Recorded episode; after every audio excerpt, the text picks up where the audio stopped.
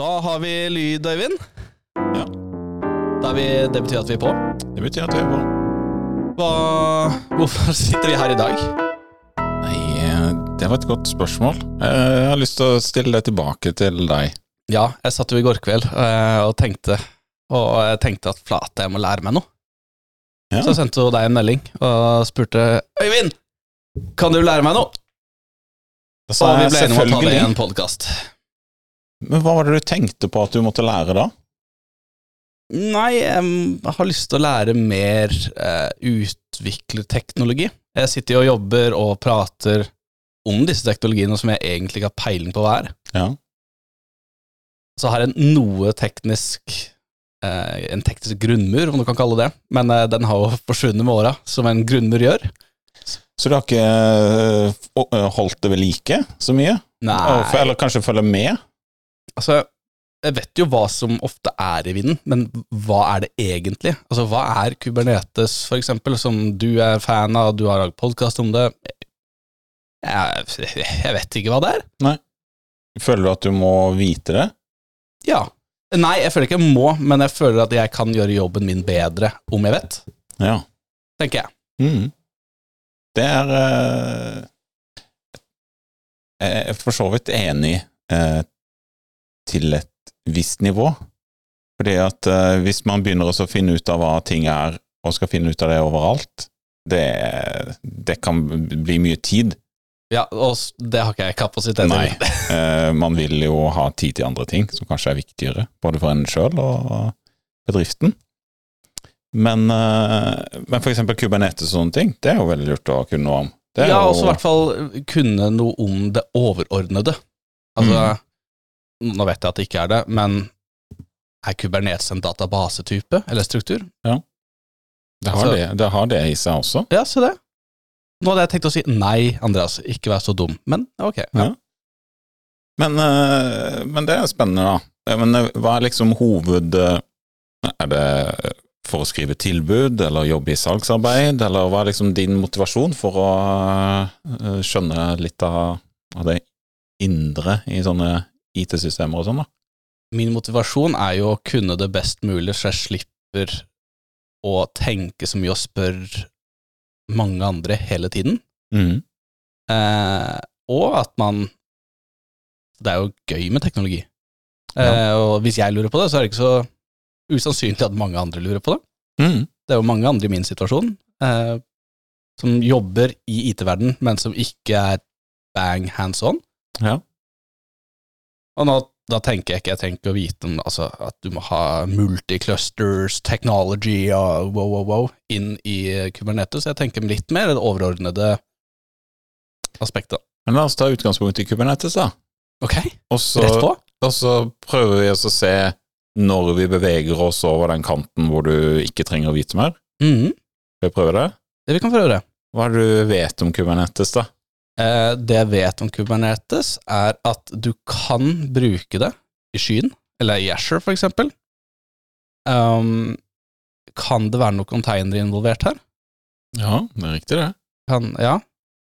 Og det er en form for struktur, eller Mhm. måte å gjøre ting på, Mm. tror jeg. Ja, Hvor, hvor, hvor feil er vi til nå? jo. Ja. En fin måte å Men jeg klarer ikke å sy dette sammen, da, så jeg skjønner jo ikke hvor det passer inn i hvilke settinger til hva, eksempel. mm. Ingen idé. For å utvide litt uh, forståelsen, da, så du kan ha det i sky. Eksempel Asher tilbyr noe de, noe de kaller AKS, Asher Kubernetes Service. Kreativt. Eh, Google har noe de kaller Google Container Engine, GKE. Tror jeg det. Det er sikkert feil, fordi at jeg pleier ikke å bruke eh, Google, uh, Google sin cloud. Uh, men så kan du også ha det i det som kan bli kalt en privat sky. Ja. Som egentlig bare er din maskin eksponert for internett. Kan jo nesten være en privat sky, nesten. Uh, så det kan kjøre både en sånn eh, privat sky og en offentlig sky. Og det kan også kjøre en sånn slags hybrid, med både ting i en privat sky og ting i en offentlig sky. Og da kan det Det er litt vanskelig å få til, men det er liksom teknisk mulig på et nivå, som da gjør at du får litt sånn uh, morsomme konsepter du kan uh, få til, da. Ok. Men hva Og det Kubernetes er, er en slags orkestre, eh, orkestreringsmotor. Ok. Eh, så den orkestrerer ting. Så du sier 'jeg vil ha en database', eksempel en Postgres SQL er jo en type database. Ja. Og den, eh, den kan kjøre i Kubernetes. Ok. Så du kjører ting gjennom eller i Kubernetes? I. I. Og, og du kan Hvis du da har en database, så har du kanskje ofte en applikasjon som trenger den databasen. Ja. Og den applikasjonen kan du også kjøre sam, i den samme Kubernetes-clusteret, da, som det ofte blir kalt. Ok, Men- Så der kommer cluster. Er det type en slags uh, en type repository, på en måte? Altså er det et egen altså, skal skal, Hvordan skal jeg kalle det? Um, dens egen lille verden? Er det, er det der vi er? Ja, kan se på det som en slags uh, stor datamaskin, bestående av mange datamaskiner. Ja. Så da kan du for eksempel ha en database der. Sammen med den databasen så kan du ha applikasjoner kjørende. Og sånn sett så er jo databasen bare en applikasjon. Så du kan teoretisk sett kjøre alt i Kubernetes, og siden det da er inni der, så er det mindre eksponert mot internett, for eksempel, som gjør at de tinga, de applikasjonene som kjører inni der, vil snakke fortere med hverandre, sikrere, du kan styre mer eh, andre ting rundt deg, da. Ja, så det er en, på en måte Nå må jeg bare i mitt hode prøve å sette henge det på noen knagger, men se for deg en boks hvor du kaster opp i applikasjoner, databaser, eh, API-er, og så lukker du eska, tar teip rundt eska, og så setter du den bort, og den svirrer og lever i sin egen verden uten å bli veldig mye kontakt da, med omverdenen. Mm. Er vi der? Ja. Ja, ok. Og så er det en sånne konsepter for Kubernetes som, som gjelder alt mulig eh, annet også. For eksempel eh, så vil jo kanskje disse applikasjonene ha tilgang på internett av og til. Og da finnes det mekanismer for å styre det på en sikker måte, effektiv måte og sånn. Så da er liksom de applikasjonene som kjører der, hvis du har eh, hvis du har en eller annen tjeneste da, som du oppgraderer av og til og sånn, så sørger Kubernetes for at den vil aldri oppleves som nede, eksempel. Så hvis du skal oppgradere den til versjon 2, og den var på versjon 1, Mm. så sier du til Det er jo en orkestrerer, så du sier 'jeg vil gjerne ha denne fra versjon 1 til versjon 2'. Det skriver du i en sånn slags dokument.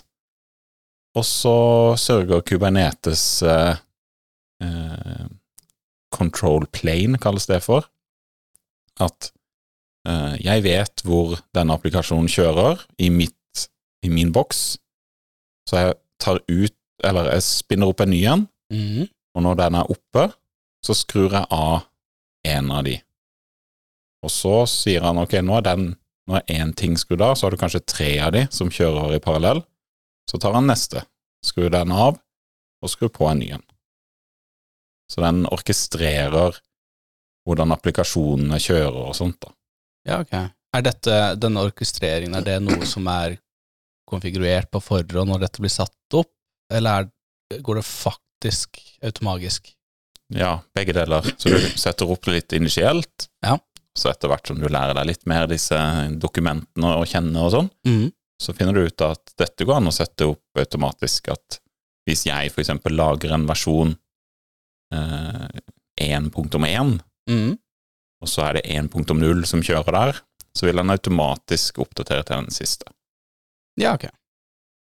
Er det noe Hvis du skulle mm, sammenligna med det, sammenligna det med noe annet, hva hadde det vært? Litt sånn uh, hvordan du gjør ting i Asher. uten å bruke Kubernetes, ligner det veldig på. Ja.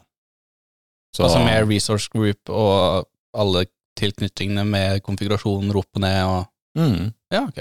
så det ligner veldig på en sånn public cloud, Mm. bare at det er veldig Kubernetes er veldig sånn her eh, konfigurasjon som eh, nærmest kode.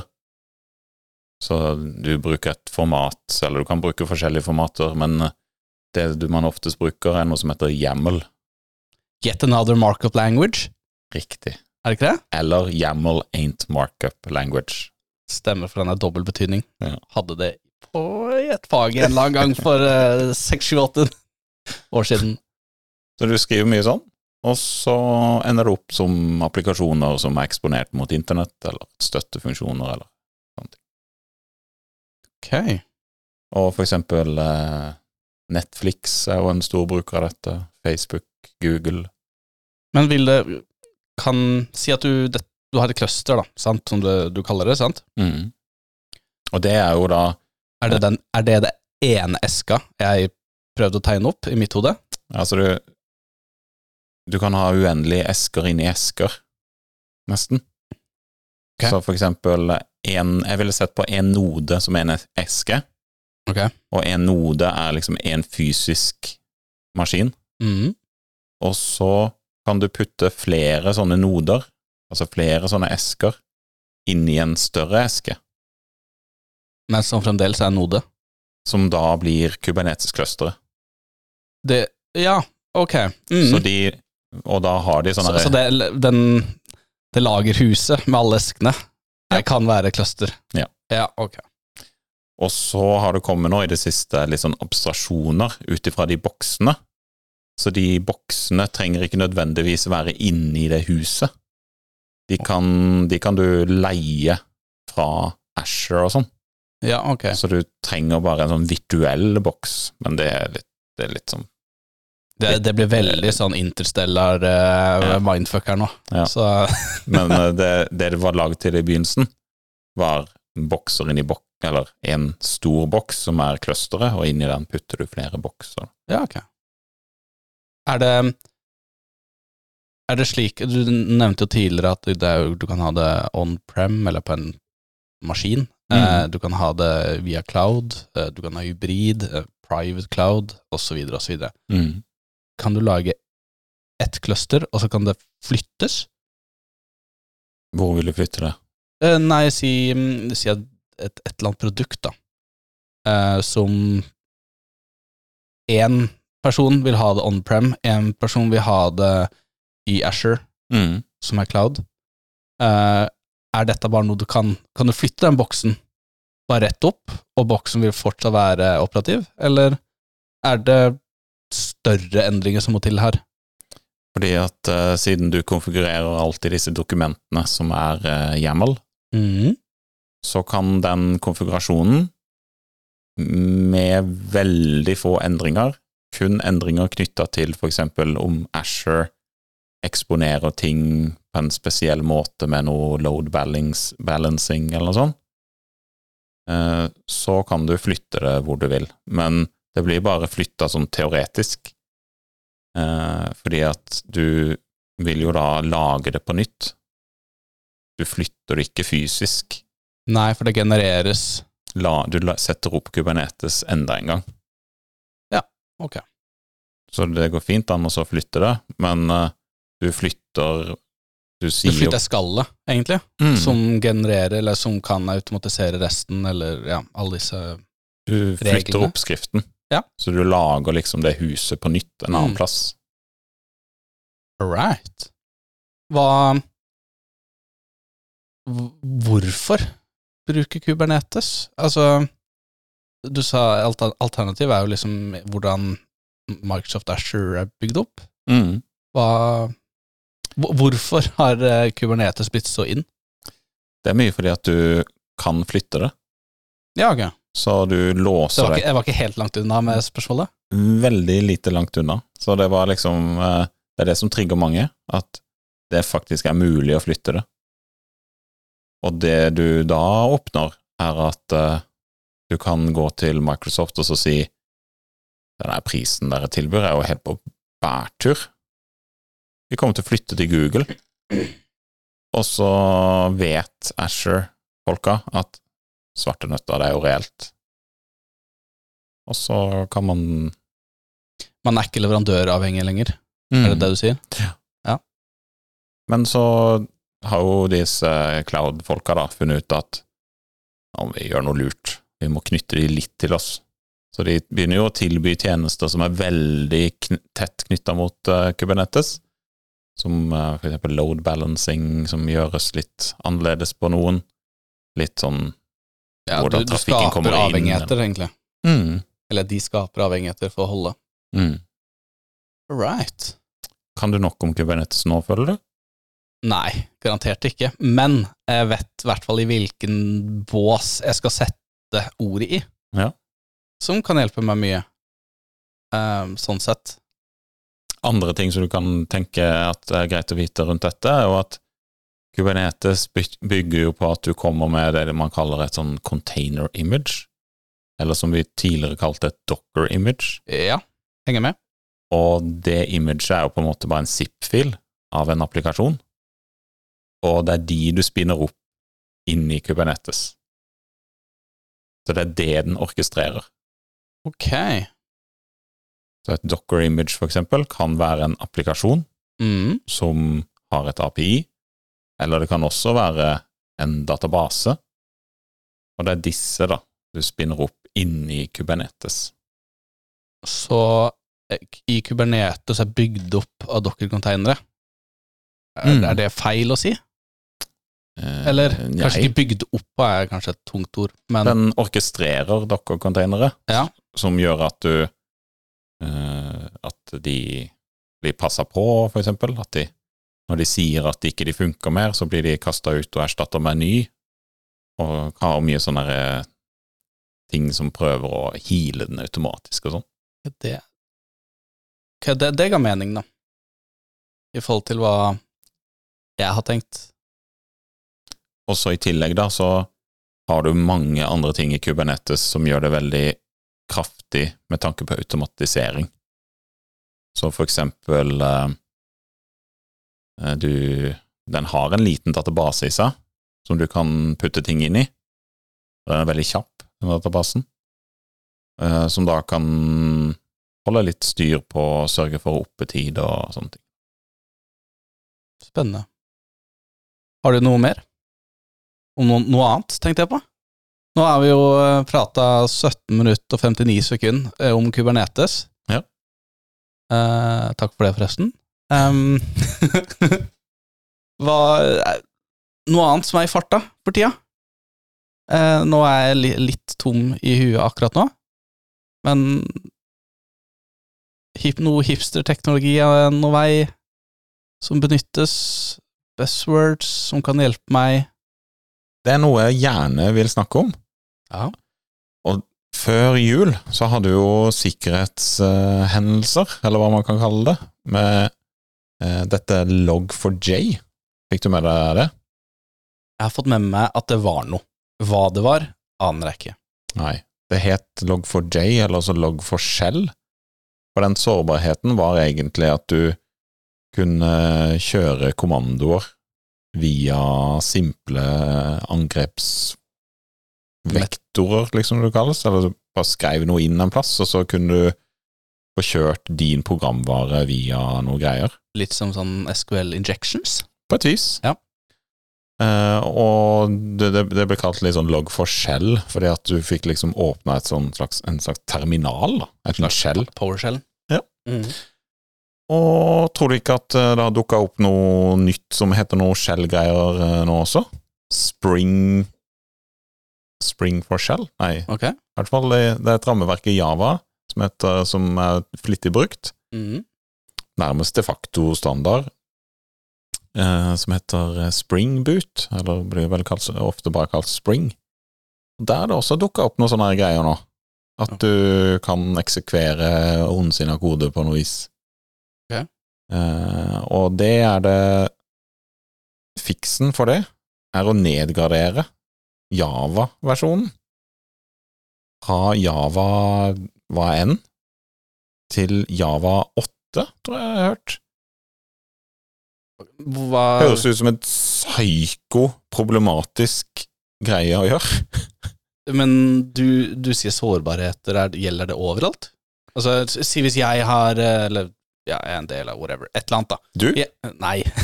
Du? Nei, ikke meg, ikke meg, ikke meg. Det er ikke meg, det er deg. Nei, um, koda noe Java-opplegg. Ja. Uh, har brukt Spring. Mm. Uh, jeg vet ikke hva Er det et rammeverk?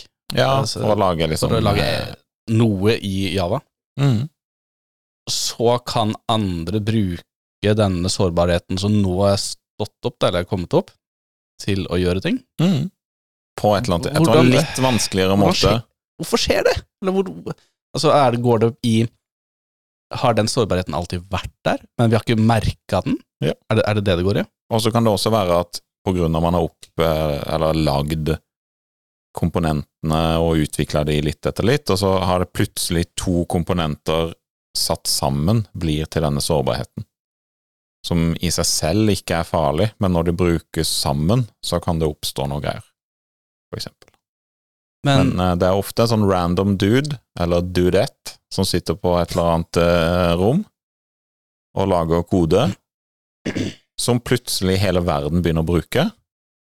Og denne personen eh, har jo ikke tenkt på at hele verden skal bruke den der tingen sin, akkurat et testteam bak seg så det har ikke vært battletesta på denne måten. Og så plutselig så blir det dratt inn i noen greier, og så er du root cause eh, troublemaker.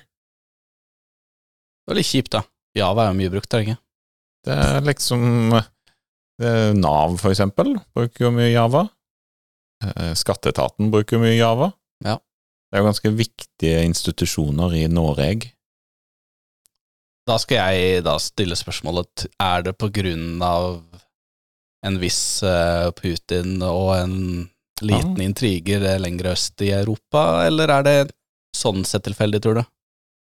Det er spekula spekulasjoner, selvsagt, men eh, Spekulasjonene mine, selvsagt, blir litt sånn uh, Dette er eh, nok mer tilfeldig. Ja. Men det kan godt være at folk prøver å være litt proaktive og kjører type sjekker av koden som bare juling, mm, og da finner de disse. Men det er jo ofte sånn Vi har jo folk som jobber med sikkerhet her i Egde, og de Det er ikke alle ting de har lov å si. Og så er det av og til hvor de liksom begynner å hinte noe greier. Og så kan det være at de vet mer enn oss, da, om, om eksempel folk tester ut denne sårbarheten på større skala, eller ja. Men når en sånn sårbarhet oppstår, da, hva, hva skjer? Hva, hva gjør man? Altså Du sa i dette tilfellet så var det jo nedgradering av versjon, men Og det er jo ikke det like lett. var det? Nei, eh, nå vet jo ikke jeg det, men jeg vil jo ikke tro at det er verdens enkleste ting å bare trykke på en knapp og gå tre generasjoner tilbake i Java-versjon. Nei, det tror ikke jeg heller. Hvis det er jo mest kjent med .net, Microsoft sin eh, run, Common Language Runtime-greie. En sånn uh, Nice, fint, langt ord. en sånn greie hvor du kan kjøre applikasjoner, som Mm. uh, lagd av Microsoft opprinnelig. Og der, hvis jeg skulle nedgradert fra Nå er det noe som heter .NET 6. Hvis jeg skulle nedgradert til eh, ja, to-tre versjoner, da hadde jo applikasjonene mine ikke funka. Nei, ikke sant? Og da jeg regner jeg med det er mer enn to timer med debug for å eventuelt få det til å funke. Det hadde vært eh, Det kan fort bli en uke eller to. Jævlig kjipt, da, Det det. tenker jeg, og når sånn skjer. Hva, men ja, igjen, det var jo du, du tror det er tilfeldig, og det er sårbarheter som egentlig alltid har vært der, eller har blitt nå, sammen med noe annet, gjort at det nå er et reelt problem. Mm. Er det noen andre type Dette er bare ett eksempel, det er jo mot Spring, Ja. men er det andre si, lignende sårbarheter som er mulig, eller som har oppstått, da? Det som er, er jo at øh, det vil jo alltid komme noe greier. Så det, så det viktigste jeg tenker folk gjør nå, er jo bare vite det at det kommer noe etterpå, som man ikke vet hva er. Så det er jo viktig å kunne eh, Jeg var og snakka med noen i Nav, og blant annet den som leder eh, sokken der, som Mm. er sånn Security Operations Center, som er sånn Der er alle sikkerhetshenvendelsene. Han dro analogien til covid, at eh, du kan gi liksom en liten vaksine, men så kommer det jo en ny, Ny versjon. Altså versjon. en, ny, en delta-versjon og ja, omikron og og så Da er det jo om å gjøre å få isolert den. mm. Og når du skal ta på denne maskinen eller noe sånt, så må du kanskje ta på deg noen beskyttelsesgreier. Kan være du må begynne å gå med maske. Du må passe litt mer på ting du snakker med. Du må eh, stille de noe ekstra sjekker, kanskje ta, måle de med noe temperaturgreier før de kommer av flyet. Like for øvrig alle disse finger- eh, og eh, håndbevegelsene dine. Ja.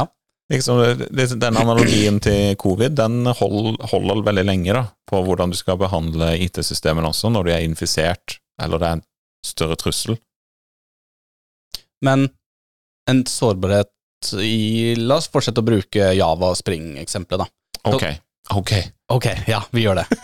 um, kan det fortsatt brukes, dette programmet? Ja, ja. Kan fint brukes. Ja. Funksjonali funksjonaliteten i seg selv er ikke borte. Nei. Nei. Men det er liksom Da kan det komme noen kjeltringer, og Ja, du har låst opp bakdøra, på en Ja. måte. de vet uh, at Ja, for eksempel er det som var før i desember, da, som nå de fleste har oppgradert til. Men du kan jo fint finne ut av om folk er sårbare på den sårbarheten med å kjøre noe greier. Ja. Og da vet du at du kan gjøre hva som helst på den tjenesten. Det er litt scary. Ja, i hvert fall hvis tjenesten er av verdi. Ja. Men i Jeg bare sliter med å forstå altså hva liksom en sårbarhet i spring kan gjøre i et system. Altså hva, hvordan Si, si hvis du skulle utnytta denne sårbarheten, mm. hva, hvordan går du frem? Eller hva, hva gjør man? Altså hvordan du, du sier sårbarhet og sånn, jeg bare klarer ikke helt å tegne bildet. Da kunne jeg putta noe ondsinna kode inn der, som gjorde at alle, alle kall mot den tjenesten her ble også sendt til meg, for eksempel. Ja. Så hvis du da sendte inn et personnummer og passordet ditt mm. en eller annen vei, så kom det også til meg. Ja, så du, det er overvåking, eller det, det gir mulighet for overvåkning, stjeling eller tyveri av data eller mm. informasjon. Og så over tid så ville jeg da kanskje funnet ut at å ja, de som har brukernavn som slutter på alfakrøllegde.no, de jobber i Egde. Ja, skal jeg prøve det passordet med det brukernavnet her på noen tjenester som de kanskje har tilgang på? Mhm. Og så kan jeg komme meg inn i et HR-system, for eksempel, og grave i noe historikk i noe ting. Så plutselig så Ja, det er vel jo bare fantasien som setter eh, stopp for hva man Ja. da kunne ha Så, så det, det er ikke mer i den ren sabotasje her, vi skal krasje programmet type Det Det kan man jo også, bare at Ja. det, det er jo kanskje ikke Det er ikke like verdifullt, kanskje? Nei. Nei. Spennende. Kanskje feil ord å bruke, men eh, spennende. Ja, det var det. det. Er dette noe som skjer ofte? I, i sånn denne skalaen? Det er veldig Nå har det skjedd et par Jeg syns jo desember og så nå Mm. Det er sjeldent at eh, det blir liksom eh, Det var lenge siden før det, syns jeg. Men, men nå har det vært to hyppige. Ja. Jeg føler liksom at det er noe greier. Det vil skje hyppigere da. Men er det Man har jo lest opp igjennom liksom plutselig at det er eh, 100 000 av brukerne og passord på avveie fra en eller annen nettside som har blitt hacka, som de kaller det. da. Er det da egentlig kanskje vært en sårbarhet som folk har utnytta uten at man har visst at det var en sårbarhet? Mm. At man Det vil jeg tro. Ja, ok. Så det er egentlig det Når avisene skriver 'hacket' og alt dette her, og de buzzorda, Mm. så er det egentlig sannsynligvis en sårbarhet som er monitorert, eller Øyvind har glemt å oppdatere til siste versjon, fordi Mhm. at i den forrige versjonen var det en sårbarhet. Egentlig det det kunne stått. Ja. Og derfor ligger alle eh, Var det ikke Adobe? Jo, jo, Adobe a- var jo veldig utsatt for det, og PlayStation Network var det vel også en sånn type. Den, eh, Hvis du går på You have been pwned, så er det, hvis du slår om min e-postadresse, så er nok begge mine exposed der. Og det er jo en kjempebra plass å begynne. Mm. You have been pwned. Der er det jo Begredelig syn. Der er det mye Der er mange av mine mailadresser ligger også der. Og det er jo bare om å gjøre å få ha god kontroll på passordet, egentlig. Og aldri Last pass for life. last pass for life. Aldri husk passordene dine. Ble du litt klokere på sikkerhet? Ja, nei, eh, ja, eh, til en viss grad. Jeg skjønner mer hva du tenker når du sier sårbarheter, at det er en sårbarhet der og en sårbarhet der, men liksom hva Hva det betyr, er jo Ja. to helt forskjellige ting, og kan bety så mangt. Mm. Men eh, det gir meg et litt mer klare bilde, selv om bildet, bildet er veldig uklart, Mm. kanskje. Kanskje vi kan få Kim inn her enda? Jeg syns vi skal fortsette med dette her, jeg. Mm. tenker jeg. Nå har vi jo bare prata om to ting. Det er jo 1454 andre ting å prate om. Ja. Eh, så jeg syns vi skal gjøre dette til en fast greie. Enig med du. Enig med du, sa du, Gabellini? Hvem er det? Gabolini? Gabellini. Det er jo den videreføring av ordet gabben. Gabben. Skjer av gabben fra Arendal? Og så etter hvert så ble det Gabolini. Ja, ja. Så ja. Her er en liten, liten anekdote der, altså. Det er viktig å ha de med mot eh, slutten også. Ja, det er vel det som definerer slutten, egentlig, av disse episodene. Da får vi bare ønske alle en eh, videre fin dag, hvor enn man er i verden, og tid på døgnet. Jeg sier meg enig. Gjør du det? Ja. Adjø. Adjø.